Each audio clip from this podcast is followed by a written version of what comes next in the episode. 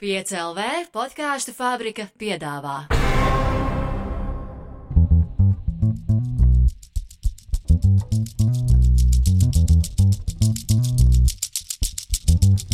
Labdien! Vai kādreiz esat par kādu nodomājuši? Viņam gan ir paveicies. Jā, veiksme var būt nejauša, bet atšķirībā no laimes, tā pieprasot aktīvu cilvēku darbošanos. Esmu Linda Samsonova. Šis ir raidieraksts Veiksme neveiksmē, kur sarunājos ar dažādu jomu profesionāļiem, ar kuriem mēs lepojamies. Par šķēršļiem viņu ceļā, kas paliek labo brīžu ēnā, taču man šķiet, ir ārkārtīgi svarīga karjeras sastāvdaļa. Šodien runāšu ar alpīnisti Kristīnu Liepiņu. Labdien, Kristīne! Labdien! Lai arī tu esi alpīniste, pēc profesijas tu esi audiologu pēc, vai ne? Jā. Lūdzu, pastāst par šo izvēli savā dzīvē.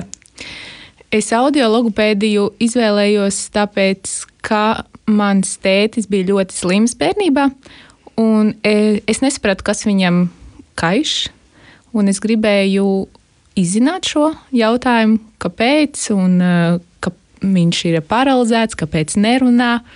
Un tieši šī nerunāšana man e, izraisīja vislielākos jautājumus, jo cilvēks it kā bija blakus, bet viņš nerunāja. Un šī profesijas izvēle ir tieši saistīta ar runu, ar runas traucējumiem. Un mana tā aizraušanās bija tieši klīniskā logopēdija, un tur tieši arī strādā ar šiem cilvēkiem, kas pēc insultiem ir ieguvuši afāzijas un kaut kādus runas traucējumus. Un es, protams, pabeidzu augstskolu.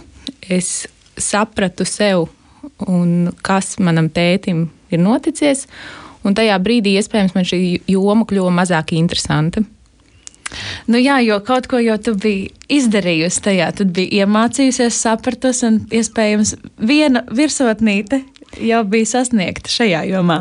Jā, bet varbūt pat ne virsotnīte, vienkārši priekšvirsotne. Es domāju, ka šīs eh, profesijas eh, virsotnes ir daudz augstākas, un es paskatījos, es sapratu, ka, ka tas nav priekš manis.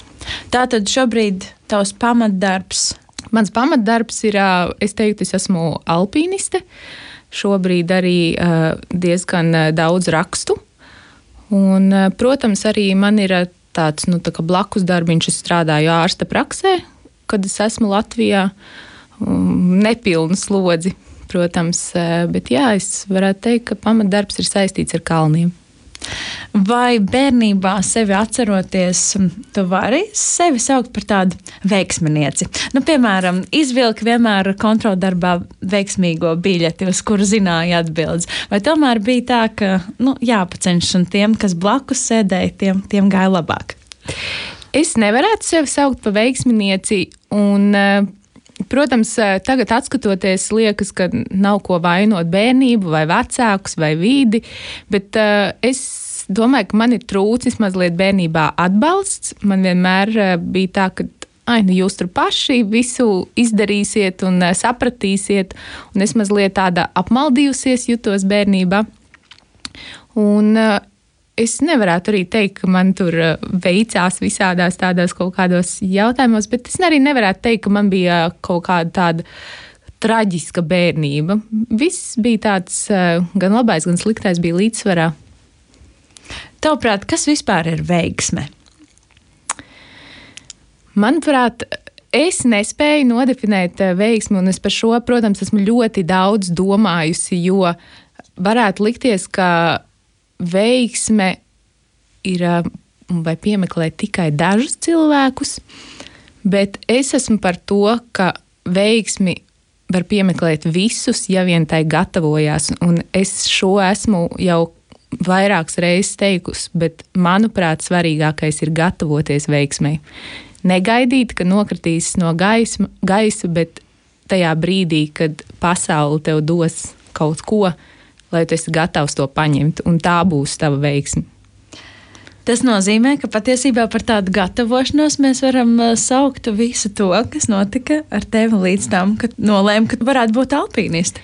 Jā, viennozīmīgi, un es arī par to gatavošanos domāju, ka tas notiek visu laiku. Es visu laiku arī tagad ar katru virs, virsotni gatavojos kaut kā, kam vēl vairāk. Jo, manuprāt, ja tā vienmēr tur jautā, nu, kas ir tas, kas, ko tu esi tagad sasniegusi, ko tu lepojies, visi šie, šīs virsotnes un šie kaut kādi nelielie sasniegumi ir kā pakāpieni, un kam es, nu, kuriem es gatavojos, tai kaut kādai veiksmei, jo es zinu, ka man priekšā gaida kaut kas vēl aizraujošāks, vēl kaut kas labāks. Mēs eh, noteikti katrs esam skatījušies kādu filmu par uh, trakiem kāpējiem dažādās virsotnēs. Daudz ir domājuši, jā, es arī tā gribētu. Savukārt daļa no arī saprot, ka nē, tas nav man un ir forši paskatīties filmā. Bet uh, tad, kad tu pirmo reizi apjauti, kas ir alpīnisms, cik es saprotu, tas bija tad, kad tu iepazinies ar savu vīru, vai ne? Jā, jā. Vai tad vispār tev bija kāda doma, jā, ka es būtu gatava iet viņam līdzi, un kas vispār ir jādara, lai to varētu paveikt? Nē, nē, nē, nē. kad es pirmo reizi iepazinos ar alpīnismu, man liekas, ka tas bija mm, kaut kas tāds. Uh, kā bomba pa galvu, un likās, ka nē, kā vispār cilvēki kaut ko tādu grib darīt, un man tas nepatīk, ir augsti un grūti un sarežģīti. Un patiesībā tā mana pirmā neveiksme, ko es varētu arī nosaukt, ka visa grupa gāja uz virsotni. Un man teica, ka tev ir jāpaliek lejā, jo tu esi fiziski vāja. Un tas, protams, jebkuram cilvēkam ir kā visi citi iet, un tagad es nu, palikšu lejā un to dienu pavadīšu kaut kur. Protams, es viņu pavadīju tāpatās kalnos, bet es negāju uz virsotni. Tas tiešām nu, tas bija sāpīgi tas bija sāpīgi ap, apjaust, ka tu esi kaut kādā ziņā nu, tāds.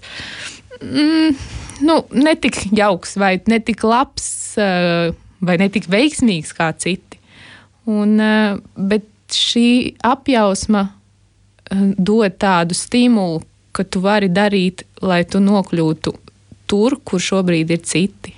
Un, jā, protams, tā bija tāda sajūta, ka tu esi rindas beigās vai aiz svītras. Bet uh, tajā pašā laikā es ļoti labi apzinos, kāpēc tāds lēmums bija pieņemts. Jo mm, kalnos nevar paļauties, ai, nu kaut kā gan jau paveiksies, un uh, mēs visi tiksim līdz virsotnē. Tieši dēļ tā, ka es nebiju pietiekoši sagatavojusies, pietiekoši fiziski spēcīga. Un, uh, Respektīvi, no tā arī izriet, ka iespējams tā veiksme nepienākt un varbūt pat notiktu kaut kas daudz sliktāks. Un, eh, jā, es pieņemu, ka tā bija labākā izvēle tajā brīdī. Kas tev bija jāizdara un cik ilgi bija jāgatavojas līdz pirmajam kāpienam? Pirmais kāpiens patiesībā jau bija pirms tam noticis, bet uh, alpīnisms katrs cilvēks var atrast kaut ko noderīgu alpīnismā. Un tas nav uzreiz kaut kādas sarežģītas virsotnes, kur eh, nu, visi tur eh, ar asinīm eh, pa muti tur tagad kāpj. Un, ir, ir, ir virsotnes, ko var sasniegt ja ik viens, ir, kur nav vajadzīgs kaut kāds ekipējums, bet alpīnisms, protams, sākas no tā brīža, kad cilvēks sāk lietot ekipējumu virvi vai kaut kādu drošināšanas punktus, karabīnas. Un es jau pirms tam biju uzkāpusi nelielā virsotnē, kuru, kurā man uzveda mans vīrs ar eh, vēl vienu manas grupas uh, locekli. Un, jo tajā brīdī es nebiju viņa sieva, es biju vienkārši uh, studente viņa kursā. Un, mēs uzkāpām un virsotnē gaidījām pārējos sasaites, jo parasti Kristaps paņēma savā sasaitē vājākos. Viņš pats eh, personīgi uzveda virsotnē, un tad gaidīja tie, kas spējīgi paši kāpt. Attiecīgi, uh, virsotnē, lai visi ir uh, veiksmīgi sasnieguši, un tad kopīgi nolaisties pa virvēm lejā, jo nolaišanās vienmēr pa virvēm ir tāds nervu skutinošs moments, un visbiežāk arī cilvēki iet bojā lejupējā. Tāpēc tajā brīdī ir labi stāvēt cilvēkiem blakus, lai viņi visi izdara pilnīgi pareizi. Un eh, tajā dienā bija ļoti slikts laiks, un es vienkārši tajā virsotnē pārsalu, nu tāds, kad sniegputenis kapājoši, tāda ledus gabali, vējš spēcīgs. Un es sapratu, ka nē, nē nebūs. Šī iespējams būs mana pēdējā virsotne. Es tieši tā arī domāju, ka es gribu ātrāk tikt lejā. Pēc tam nākamajā dienā, kad visi devās uz sarežģītāku virsotni, tad man teica, ka nē, ka nebūs. Un tu to pieņēmi. Tev jau pats laikam likās tā, nu. Kad nokāpa lejā arī no tās virsotnes, kas man likās eh, šausmīga, tas ir tas moments, kad saproti, ka nokāpa lejā, ka nu nē, ka nebija tik traki, ka vajadzētu un gribētu mēģināt vēlreiz, un vēl kādu virsotni. Un tad tev pasaka, ka tas jau nobriedz, kad varētu, un tad tev pasaka, ka nē, nebūs šoreiz. Nu, tu paliksi lejā. Bet vai tu piekrīti, ka cilvēkam ir grūti pat atcerēties tās neveiksmes, tos brīžus, kad tik labi nav gājis? Jo mums ir tendence kaut kā koncentrēties uz to labo, kas arī ir pozitīvi un mūsu dzēnu uz priekšu, vai ne? Es domāju, ka tā ir kaut kāda pašaizsardzības reakcija, jo, ja mēs atcerētos visas labās lietas, mēs, nu, ja visas labās lietas, tad mēs, teiksim tā, vairāk pieļautu kļūdas Un, bet eh, tās sliktās lietas atcer, neatceramies, tāpēc ka nu, tas ir sāpīgi. Un, eh, man, piemēram, arī, ka es negribu, ir lietas, ko es negribu atcerēties, jo tās man grūti pēc tam saņemties, atkal kāpt uz virsotni, vai grūti saņemties, izdarīt kaut kādas lietas, kas būtu nepieciešamas, lai es tajā brīdī darītu. Nu, piemēram, kaut kādas uh, slavenais leciens ar vīru mans, kad vīri pārtrūka. Un, ja es to visu laiku atcerētos, es nekad nespētu kāpt pa kilometrīgām klinšu sienām. Un es esmu ļoti priecīga, ka es kaut kādā tajā kritiena brīdī zaudēju samaņu, un es neatceros īsti ne tās sāpes, sāpes kādas man bija, kad es uh, piezemējos attiecīgi, bet es atceros tikai pēc tam to procesu. Un es domāju, ka tas ir ļoti svētīgi, ka mēs neatceramies sliktās pieredzes. Vai tu vari man pastāstīt, kas ir veiksme alpīnistam? Vai tā tiešām ir virsotnes sasniegšana? Veiksme alpīnistam ir virsotnes sasniegšana un veiksmīga nokāpšana lejā. Jā, jā, tas ir ļoti svarīgi, vai ne? To arī jau tik, tikko minēja, ka jā, vairāk negadījumu notiek tieši Jā, tas lejā. arī vienmēr ir jau klasisks frāze, ka virsotne ir tikai pusceļš, ka vienmēr ir jāatcerās, ka tev ir jānokļūst arī lejā. Un es domāju, ka tā ir pat tik vienā jomā tu nevari visu laiku būt veiksmīgs un uh, sēdēt virsotnē un priecāties par sevi vai savu veiksmi. Ir uh, ļoti labi nokāpt lejā, pārkārtot savus domas un uh, paraudzīties, kas ir vēl tā virsotne vai joma vai projekts, ko es varētu šobrīd sasniegt, kas radītu man gandarījumu. Jo tas gandarījums par virsotni, viņš neilgst ilgi.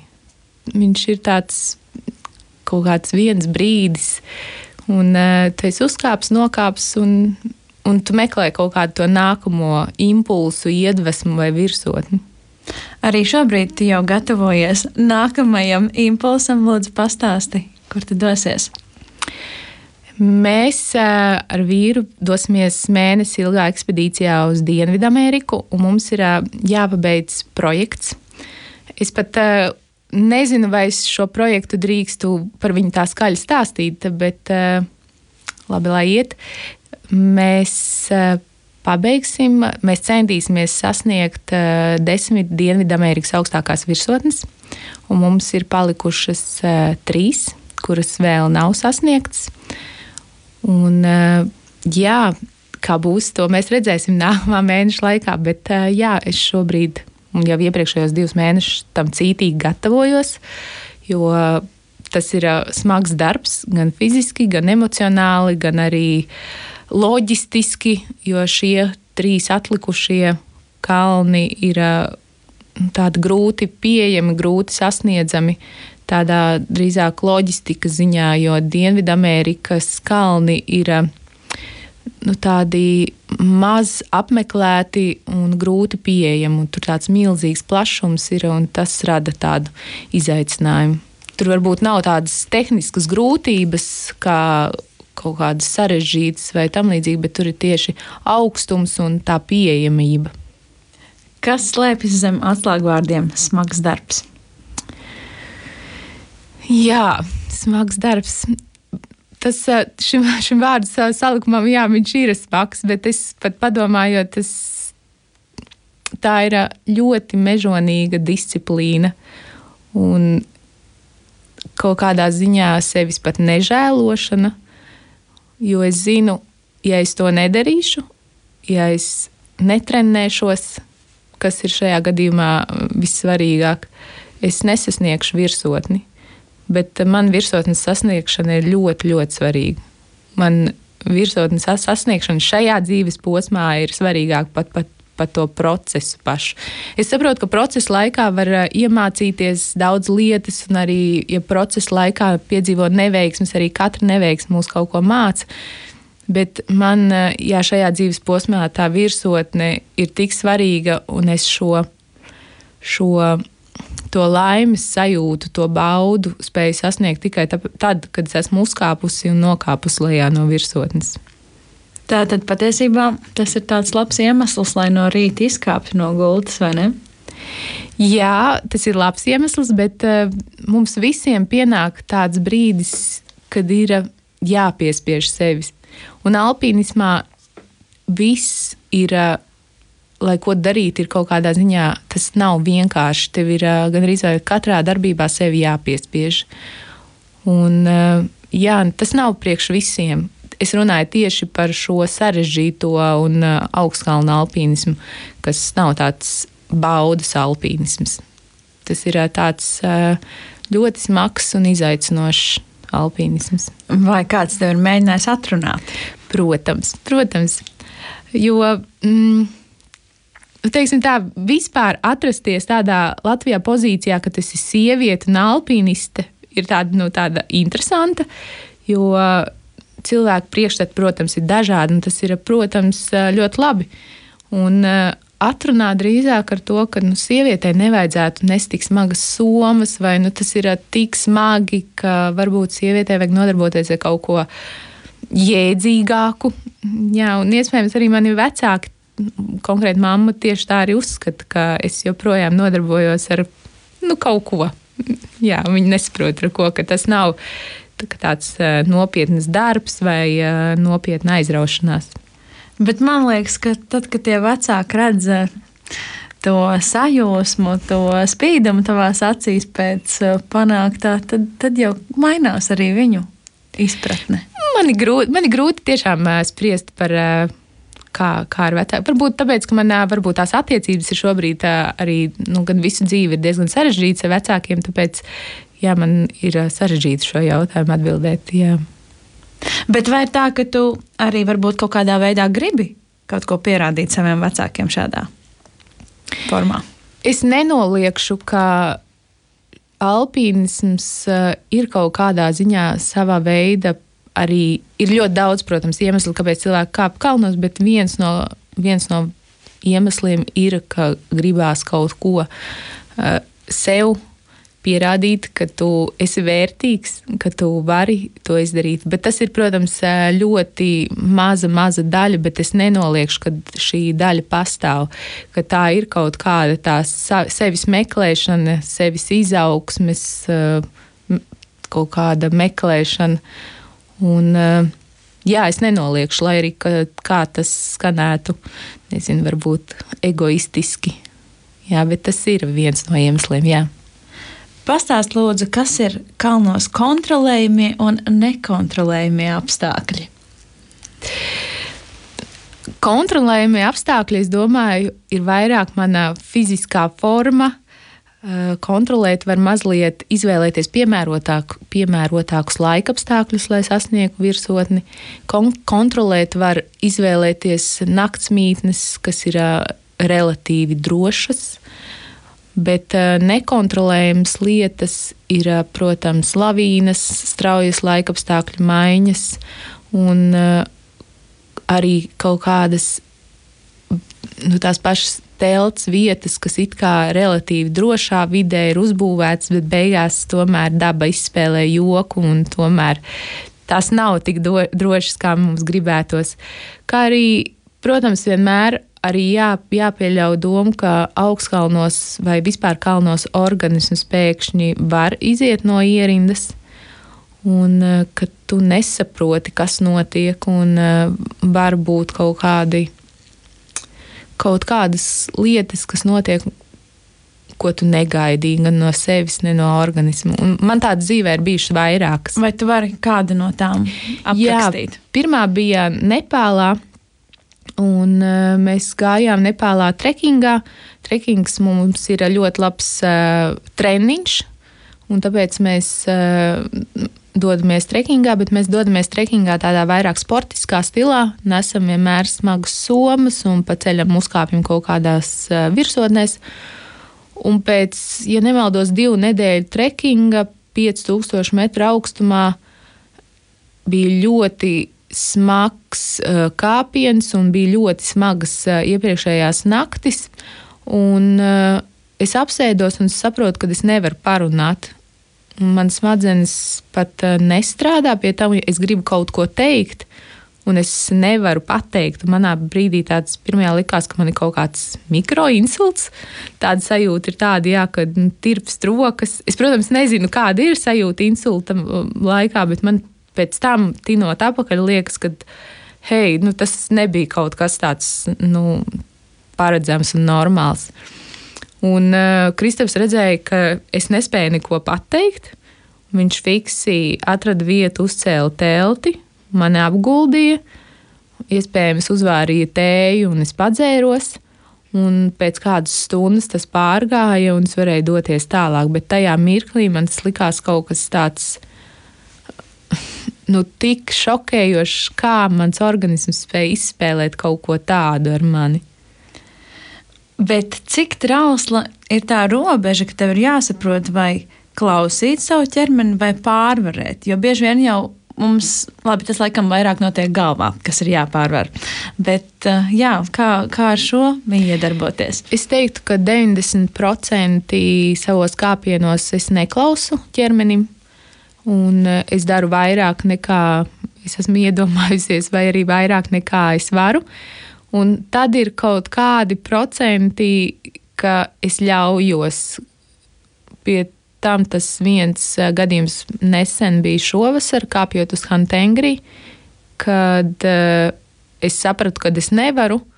Un uh, pat tajā brīdī, kad es sapratu, ka nevaru, es mēģināju vēl kāpt, jo es zinu, ka brīdī, kad piena ir tas, es nevaru, kad kaut ko apēd saldu, padzerās, turpina kustēties, tad dažreiz šis es nevaru mazliet pāriet līdz nākamajam. Es nevaru, bet uh, tajā naktī tas nepārgāja. Un es mēģināju, mēģināju, mēģināju, un pēc tam es sapratu, ka viss, nu, tas bija viens moments, kad es pateicu, griežamies apakaļ, un mēs apgriezāmies apakaļ un gājām lejā. Un, uh, tas patiesībā bija pirmais gadījums manā dzīvē, ka es griezos atpakaļ. Un, uh, un es tajā brīdī pat uh, daudz nedomāju. Tas vienkārši bija. Es varbūt tagad to sauktu par intuīciju, kas nostrādāja viss, kad ir jāgriežās atpakaļ. Un, mm, ar savu šo lēmumu es, protams, nogalināju Kristapā iespēju sasniegt virsotni. Un tas vienmēr ir jāatcerās, ka alpīnisti ar saviem lēmumiem ietekmē arī citu cilvēku kaut kādus sasniegumus vai iespēju sasniegt kaut ko. Un, jā, es pagriezos apakaļ, mēs gājām lejā, jo viens kom, alpīnisms ir komandas darbs, un ļoti bieži viens cilvēks neiet uz virsotni, iet divi tā vai sasaitē. Un šis ir vēl joprojām tāds sāpīgs jautājums par to atgriešanos. Bet tad, kad es atnācu teltī, es sapratu, ka es mēģināšu vēlreiz. Bet es noiešu lejā atpūsties, bet uh, mans sasaidzes biedrs un vīrs tajā mirklī teica, ka nē, ka viss pietiek. Jo tas darbs, kas ir ieguldīts, lai nokļūtu līdz tai vietai, no kuras tu kāp, kāp ir uh, tik mežonīgi smags, pie tam tu visu laiku apdraud, apdraud savu dzīvību. Un katra šī staigāšana turp un šurpu ir ļoti, ļoti bīstama. Un viņam uzreiz, ja man bija tāda emocija, ok, man nesanāca, es mēģināšu vēlreiz, tad viņš uzreiz racionāli droši vien domāja, ka labi, mums nesanāca, bet mums tagad ir jāiet lejā cauri tām bīstamām posmiem, pēc tam atkal augšā un visas tās smagās somas, teltis un uh, ledus cirkņi. Tur jau ir ļoti daudz ekipējumu un mantu, un viss tas ir jānes mm, līdzi. Viņš uzreiz nē, ka nu, mēs to nevaram vēlreiz izdarīt, jo tas prasa tik daudz spēka, tik daudz. Jā. Bet šādā brīdī nostrādātā otra motivācija, vai tur vairs ar motivāciju nav problēma. Jūs esat apņēmušies uz mērķi, un tur nelīdzēs vēl tāds, nu, vēl, vēl, vēl saņemies. Dažreiz, dažreiz nostrādā, jo ir virsotnes, kur, protams, arī Kristaps ir pateicis, ka es nevaru Kristīnu vairāk. Un šis bija Huaskaran, Peru Mēs bijām apmēram 6000 metru augstumā, un Kristaps teica, ka viņš nevar. Un tā bija pirmo reizi eh, arī dzīvē, kad viņš teica, nevar, jo viņš manās acīs vienmēr ir bijis tāds, kurš visu var. Bet uh, vienkārši tajā brīdī bija tik daudz negulētas naktis un tik uh, kaut kādi apstākļi sastājušies tā, ka bija loģiski, ka viņš nevar. Un, tad, protams, bija tā izvēle, vai nu mēs ejam lejā, vai es eju pa priekšu un uh, mēģinu mūs abus uzvest virsotnē. Un uh, arī tās pārunas, protams, uh, ja tu jautāji, nu, cik ļoti tu nevari, nu, tādas nenotiek. Ja, protams, cilvēks pasaka, ka nevar, tad tas ir galīgais, ka viņš nevar. Bet, uh, jā, manuprāt, mēs ļoti bieži kāpjam nu, ne dēļ sevis, bet arī dēļ otra. Un ta, tas ir arī iemesls, kāpēc tu nevari tik vienkārši padoties. Tu zini, ka šī tava nevarēšana ietekmēs to otru cilvēku. Un mēs virsotnē uzkāpām un arī veiksmīgi nokāpām. Tad. Bet kurā brīdī notiek tā analizēšana, vai jūs to pēc tam neizrunājat? Nē, nu, tomēr var būt tā un tā. Tā analizēšana, protams, notiek pēc tam, jo uh, es patiesībā tikai, eh, kad nokāpju, es saprotu, un ja nu kaut kas, un ja nu kaut kas tiešām Kristamam nu, tiešām ir tik slikti, ko es nu, darītu ar viņu 6000 metru augstumā, kur nav neviena cita cilvēka. Mēs esam tikai divi un ir nakts, un ir sarežģīts reliefs. Nu, vai es viņu vilktu lejā, vai skrietu lejā, vai, vai vispār ir. Nu, Dienvidamerikā nav glābšanas dienas tāda, kad varētu piezvanīt un kāds mūs izglābtu viss kaut kādas nelaimes gadījumi, kas notiek, tie ir jārisina pašiem.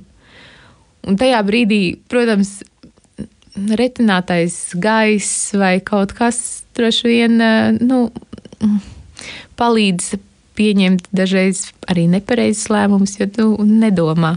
Tu, tu vienkārši nedomā tajā brīdī. Ir tiešām ļoti grūti domāt. Vienkārši es iedomājos, ka tā ir virsotne, tev ir jāsasniedz.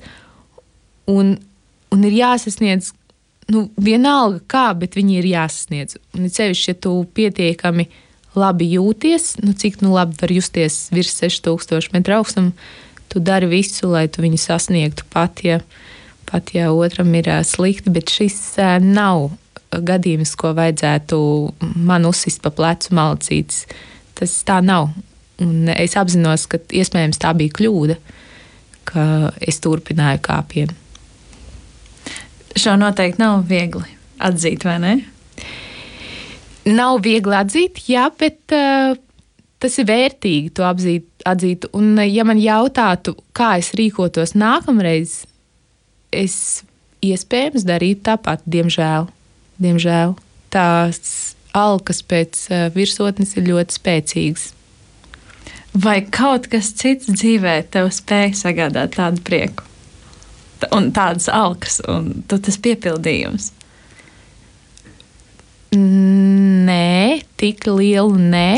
Lai gan, protams, jebkurš kaut kāds eh, izauklēts projekts, viņš arī dod prieku, bet tas nav tik koncentrēti. Tas, tas ir vairāk tāds uh, izstieptās tās sajūtās, tādas, tādas kad uh, tu jūties labi, ir patīkami un prieks par sevi, bet uh, tik koncentrēti, kā ir par virsotni prieks vai būšana kalnos prieks, Nē, man tā liekas, nekas dzīvē nesniedz eh, man personīgi lielāku.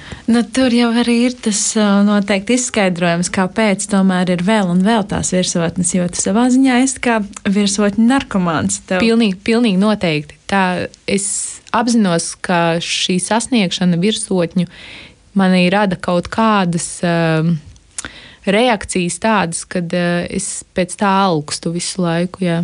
Un tu noteikti jūties dzīves. Noteikti, pilnīgi noteikti, jā. Tu esi izteikusies, ka atrast kāpšanas partneri ir grūtāk nekā atrast dzīves biedru. Pastāst par šo vairāk. Kāpēc tas kāpšanas partneris, kurš arī patiesībā ir tos dzīves biedrs tavā gadījumā, ir tik svarīgs?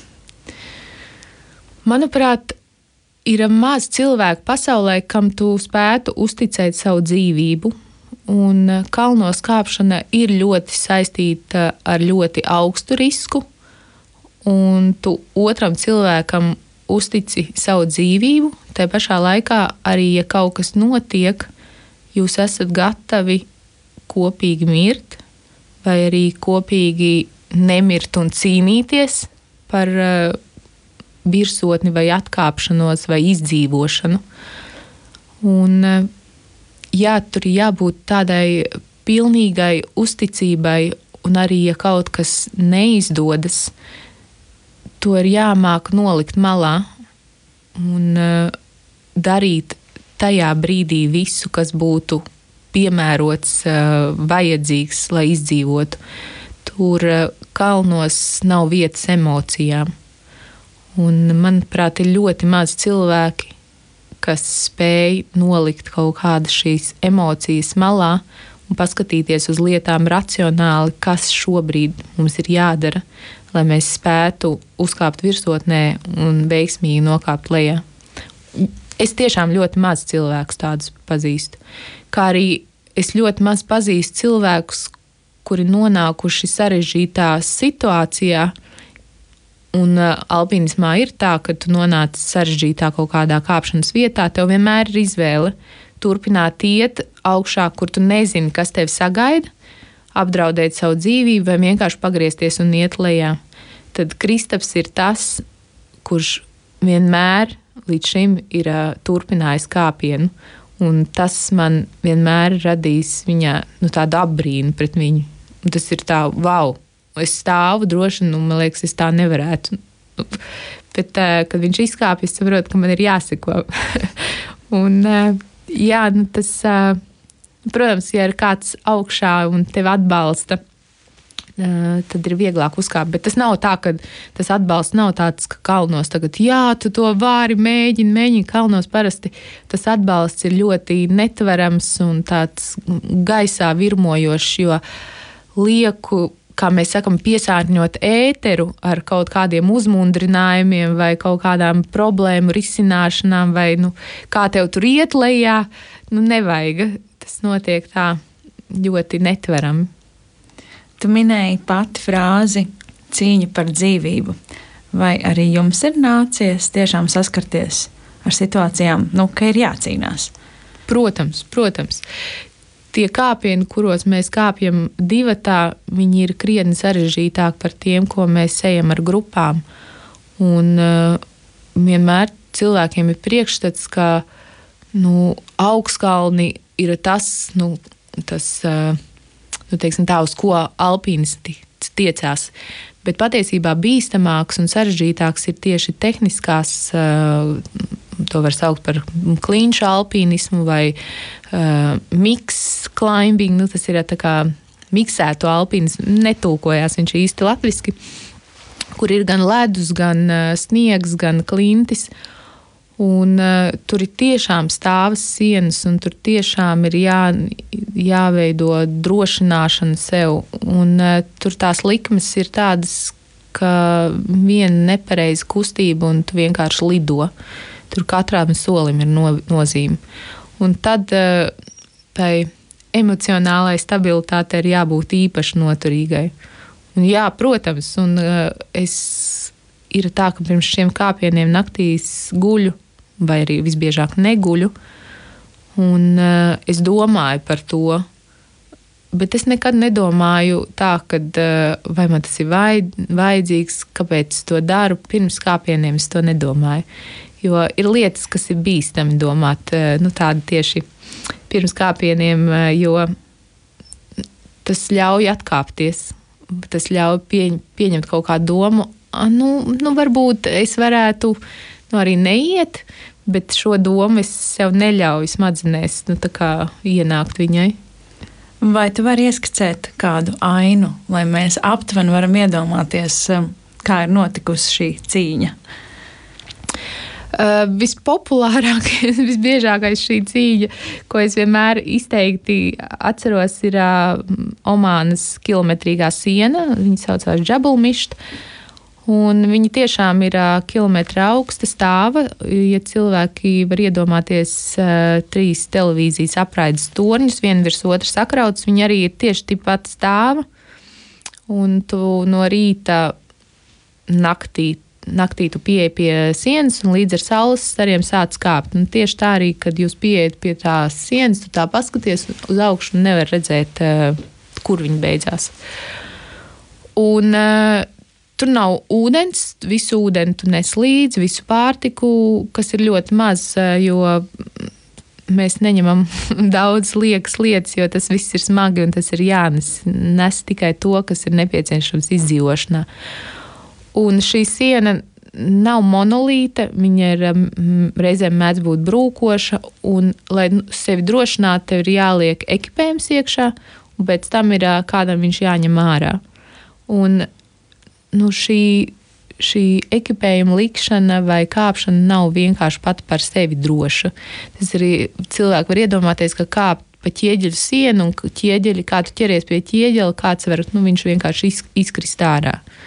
Un tieši tā arī notiek šajā maršrutā. Un, nu, visu laiku ir to esi visu dienu uz tādas uh, balansēšanas robežas. Pie tam, uh, protams, ir nežēlīgi kārs, gribās dzērt, uh, viss asiņo, jo uz pirkstu spilventiņiem nav vairs ādas, visu laiku ir apskrāpēts, apdauzīts, tu esi tāds. Un, uh, jā, nu, tas, tas ir smagi, bet uh, es. Uh, par to atkal, kā es izkāpju, es to aizmirstu. Un, eh, tā, kad es par to iedomājos, man nu, kļūst ļoti emocionāli. Tāda, man pilnīgi tāds uh, bumbulis izveidojās kaklā, ka liekas, kāpēc. Jā, tas tāds uh, pātrinās elpošanu. Un, Jā, bet kāpjot, ir tie mirkļi, kad es stāvu stācijā un saprotu, ka stacija varbūt nav ļoti droša. Kaut arī nu, viņas lielākoties ir, mēs Kristaps taisa labas stacijas, bet ir gadījumi, ka tu piekāpji un nav kur uztaisīt staciju, kur tu varētu. Tie ir tādi tehniski termini, kur pieņemt kāpēju. Un tad ir tā, ka es stāvu viena Jo Kristaps ir uh, aizkāpis tālāk, es uh, izdodu virvi un raudu, jo es saprotu, ja kaut kas notiks, mēs vienkārši, mēs abi skaisti lidosim. Un uh, tās ir tādas, tādas, tādas klusinātas emocijas, un tu esi atdevies jau dzīvei, bet nepadevies. Skaists citāts. Vai es pareizi saprotu, ka kalnos strīdiem nav vietas? Tu arī minēji, neaizpildīt lieku ēteru. Jā, preci, precīzi viņiem nav vietas. Bet, protams, ka nonāk bāzes nometnē vai atpakaļ uz, te, atpakaļ uz telti, skaidrs, ka mēs esam tikai cilvēki un mēs apmainamies kaut kādiem viedokļiem, emocijām. Un arī pēc atkāpšanās, kas ir Hantengrī šogad notika, mēs atnācām teltī, un tā telts, protams, ir tur divi kvadrātmetri, varbūt mazāk. Un mēs, nu, mēs viens otram to, protams, nesakām, bet mēs zinām, ka mēs viens otru vainojam tajā, ka mēs neesam sasnieguši virsotni. Kristaps tajā, kad es esmu iespējams bijusi pārāk vāja vai, vai padavusies priekšlaicīgi es vainoju Kristapu, ka viņš nebija piekritis manai taktikai, ko es vēlējos, lai būtu veiksmīgāks mums šis kāpiens. Un, lai mēs sāktu šo kāpienu mazliet augstāk, nevis te, no tās nometnes, kur mēs palikām. Un mēs to skaļi varbūt tajā brīdī nesakām, bet tā spriedze, kas ir teltī, kad jūs ielie, ielienat teltī, ir vienkārši jūtama un uh, kā ar nazi griežamu. Un es pilnīgi atceros tās sajūtas, ka es ielīdu teltī, es biju pārsalus, es ielīdu guļamaisā, es gulēju teltī uz grīdas un skaļi baidēju. Man, man likās, ka es vienkārši mirstu. Un es nevarēju saprast, tas ir tāpēc no augstuma vai no tām emocijām, kas man bija.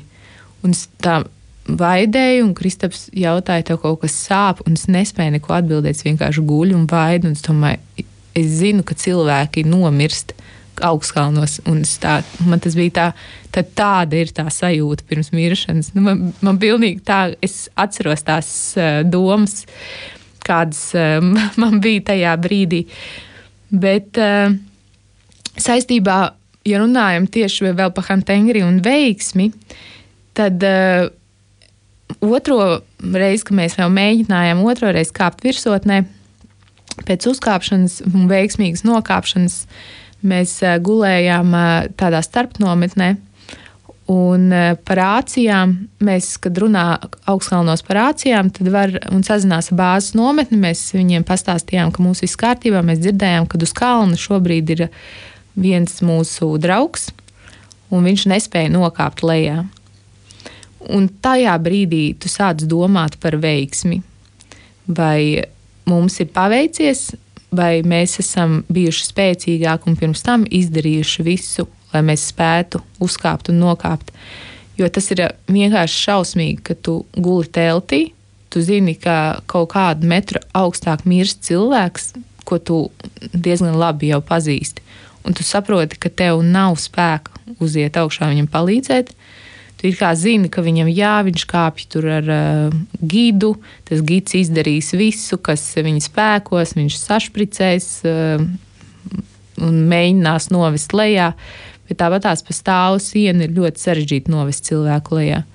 Un tā sajūta ir ļoti šausmīga, kad tu gulēji teltī un saproti, ka, ka tu vienkārši nespēji, ka tu it kā varētu, bet tu nespēji. Uh, un, ja tas cilvēks ies bojā, vai tu kaut kādā ziņā arī nebūsi vainīgs tajā, ka tu nepanāci pretī.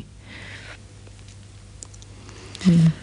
Lasot arī atbildes uz jautājumiem, ko te uzdeva Instagram sakotāji, šķita, ka patiesībā tu esi nedaudz nocietinājusies ka nāve ir dzīves sastāvdaļa. Tā notiek.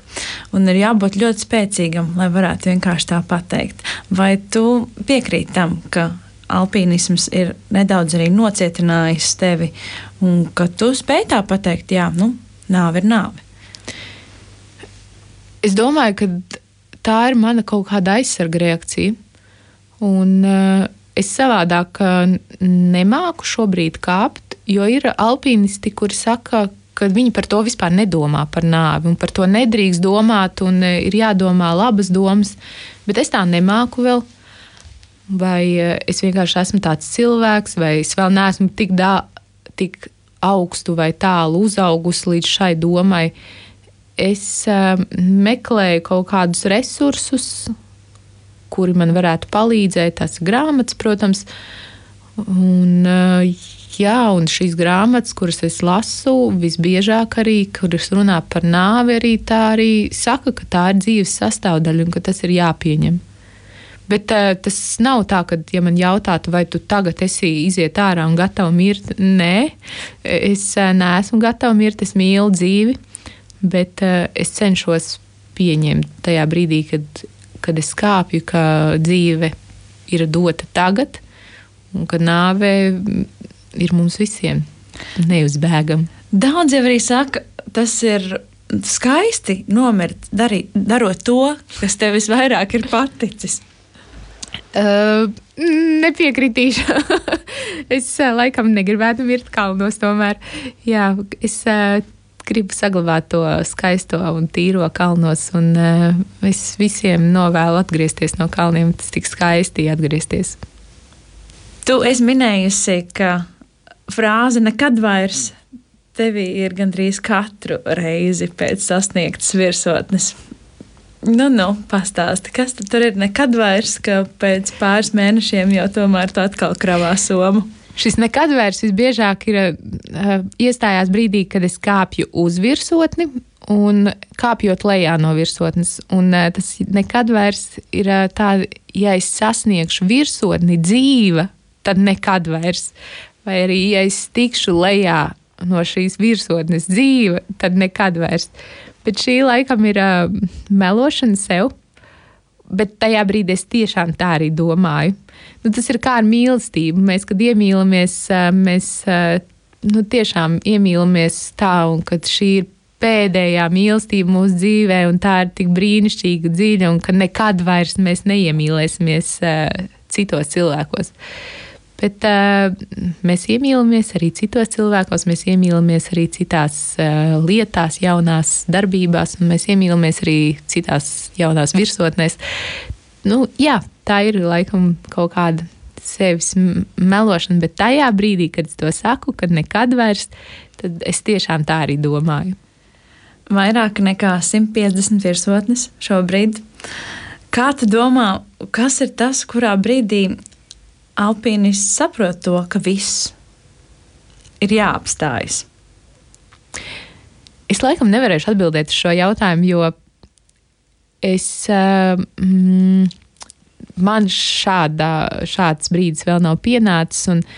Mēs ļoti daudz laika pavadām ar eh, Pēteri Kūli, kas arī ir uh, alpinists.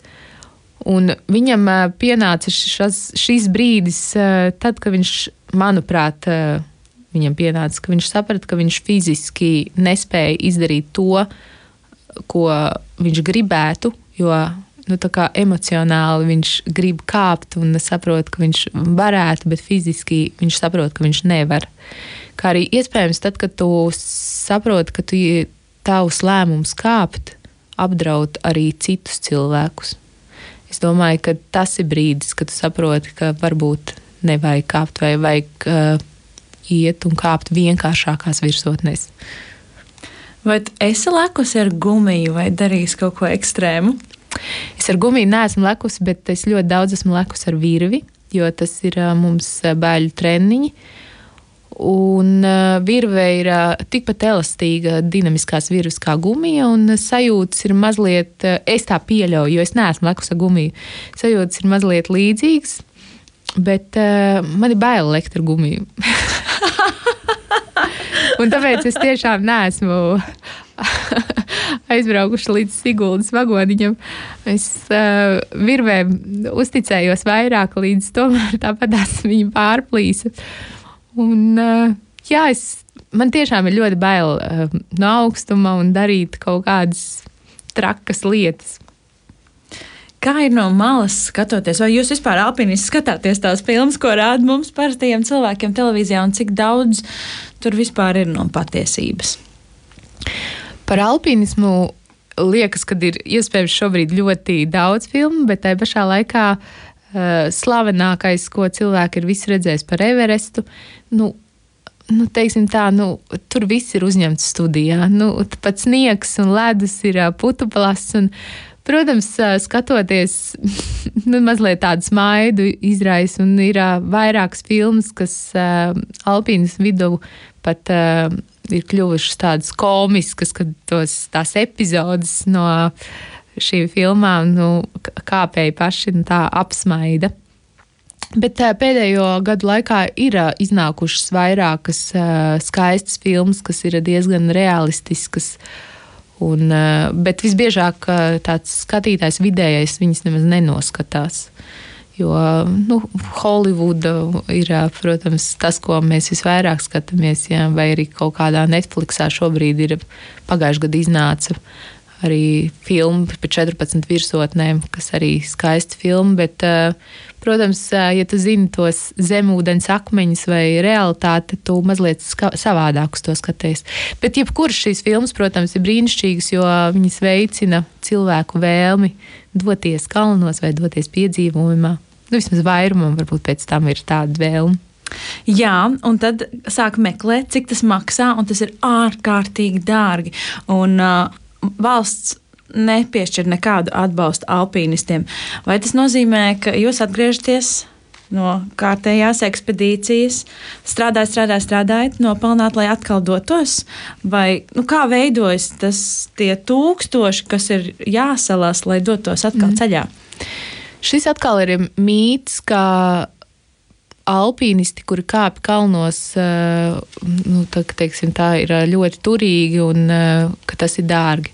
Dārgi ir kāpt komercekspedīciju sastāvā un kāpt 8000 pasaulē ir 14, 8000, un jā, visos šajos 8000 ir jākāp komercekspedīcijā, un uh, dalība šādā ekspedīcijā kā minimums maksā 30 tūkstoši vienam cilvēkam, un šobrīd Everests šajā sezonā maksāja 100 tūkstoši vienam cilvēkam. Un jā, lai arī es ļoti vēlētos uzkāpt 8000, es varu atzīties, man šobrīd šādas naudas nav, lai es viņā varētu uzkāpt. Un, eh, tāpēc es eh, neesmu šobrīd uzkāpis 8000, bet mēs kāpjam kalnos, kuros nav jāmaksā par kāpšanu. Un eh, tādu pasaulē ir ļoti daudz, un viņi ir ļoti skaisti un tehniski sarežģīti. Un dažu brīdi, protams, pat izaicinošāk nekā 8000. Un mēs sev varētu pieskaitīt pat pie budžeta klases ceļotājiem, jo dārgākais, kas ir, ir avio biļets. Un, protams, ekipējums, bet ekipējums mums, mēs viņu neiepērkam uz vienu kāpienu. Ekipējums, ja tu nopērci, viņš kalpo ļoti ilgi, pat desmit gadus. Gan apģērbs, gan uh, dzelkšņi un ledusirņus, nu, kas ir tehniskais ekipējums. Un, uh, mēs nekad nepaliekam, var teikt, viesnīcās. Mēs no lidostām pa taisno ar sabiedrisko transportu vietējo dodamies uz kalniem, un tāpēc attiecīgi arī kalnos teltīs dzīvojam, gatavojam sev ēst paši. Nesam mantas, jo mums nav nekāda apkalpojošo personāla, ne nesēju, ne gīdu. Mēs visu paši darām, un tad tas vairs uh, nav nemaz tik dārgi. Jo, piemēram, mēs šogad uzkāpām uh, Kilimanjāro, uh, Un, uh, mēs zinājām, ka tas ir, uh, nu, tāds, uh, tā ir komerci ekspedīcija. Un tur mēs bijām grupā astoņi cilvēki, un uz astoņiem cilvēkiem bija 40 cilvēku apkalpojošais personāls. Un tad saproti, ka tu vienreiz pamēģini kaut ko tādu, saproti, ka nekad vairs negribi nu, ko tādu piedzīvot.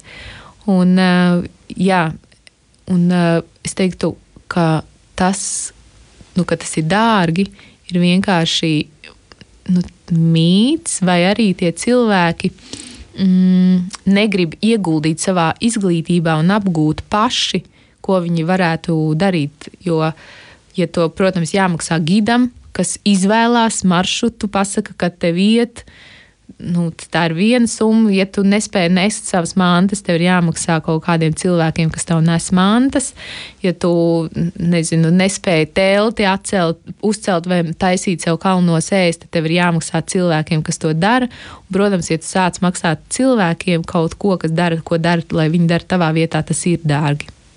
Kas būtu tā valsts motivācija atbalstīt alpīnistus? Jo, ja mēs nu, vienkārši iedomājamies sportistus, tad jā, tās ir medaļas, tā, tas ir valsts prestižs vārds. Kas tas būtu alpīnismu gadījumā? Man ir grūti pateikt šo, jo ir valsts, kas atbalsta alpīnismu par to, ka viņi sasnieguši virsotnes, piemēram, Irāņi. Irānā tā ir Bet uh, tas beidzās ar to, ka tie cilvēki kāpj virsotnē, nu, tā, ka viņi tur mirst. Nu, viens pēc otra, un citiem ir jāglābj, lai tikai viņi sasniegtu virsotnes un dabūtu to prēmiju vai kaut kādu samaksu par to, ka viņi ir sasnieguši virsotni vai eh, nu, kaut kādu iespēju tikt ekspedīcijas sastāvā no, ar, par valsts atbalstu. Un mēs redzam, ka šāda pieeja tam arī nes, tas, tam nestrādā. Uh, kas varētu būt tā valsts atbalsts, ko alpīnistiem drīzāk radīt vietas, kur alpīnistiem trenēties, un tās nav iekštelpu zāles, par, kāpjot par teiksim, tā finiera aizķerēm, neviens par alpīnistu nekļūst. Tas, kā mēs to redzam, ka būtu jārada vietas, kur ir dabīgs akmens, dabīgi akmeņu torņi kaut kādi, kur var cilvēki mācīties kāpt pa dabīgu vidi un dabīgu akmeni. Un tad, attiecīgi, es domāju, tādā veidā tā radīt iespēju trenēties, tas būtu tas, kas būtu nu, svarīgi no, manuprāt, no valsts. Pārējais, protams, ir ekspedīciju atbalsts, protams, ļoti priecātos, ja valsts spētu kaut kādu finansēt kaut kādas ekspedīcijas kādiem kāpējiem, bet tas vienmēr ir jautājums, kur ir tie, nu, kā, kādi ir tie normatīvi, lai noteiktu, kur ir tie pelnījuši, kuriem vajag maksāt vai kurus vajag atbalstīt. Jo, protams, ka, ja būtu noteikums, ka tagad valsts atbalstītu kaut kādus kāpējus, tad tie gribētāji būtu ļoti, ļoti daudz uzreiz. Jo kurš gan negrib uzkāpt, piemēram, Everestā un pēc tam dabūt plāksnīti pie sienas, lai pēc tam, nu, nezinu, par viņu, visi par viņu gribētu zināt, kā tas bija un tam līdzīgi. Tā kā, jā, šis ir tāds, tāds varbūt jautājums, uz ko man varētu būt grūti atbildēt, kas ir tās normatīvi vai kādas ir tās vēlmes, ko mēs gribētu no valsts. Kristīna, tu esi ārkārtīgi interesants sarunbiedrs. Un, uh, kas ir tas, uh, ko varbūt tu gribētu teikt citiem, iedrošinot? Lai arī citi varbūt domā, oh, tā trakā Kristīna. Kas ir tas iedrošinošais, kas varbūt tomēr ir tas, ko tu gribi teikt, motivēt un arī sev novēlēt? Pirmkārt, es varētu visiem pateikt, ka es pirms desmit cilvēkiem, desmit gadiem biju tieši tāds pats cilvēks kā jebkurš cits no jums. Es biju. Es gāju uz universitāti, uz darbu, es nodarbojos ar nu, tādām nu, vienkāršām lietām, ar ko mēs visi ikdienā nodarbojamies. Un es varu pateikt, ka ik viens, ja to ļoti vēlas, var kāpt kalnos, vai sasniegt kaut kādas lietas, par kurām viņi sapņo. Ik viens. Un es esmu tam ļoti labs piemērs. Un es tiem cilvēkiem, kas vēlās kāpt kalnos, es vienmēr iesaku pamēģināt. Un nevajag mēģināt ar kaut ko lielu un uh, augstu, bet vienkārši pamēģināt ar kaut ko skaistu, dvēselē. Un, un es ticu, ka kalni maina cilvēku dzīves. Paldies!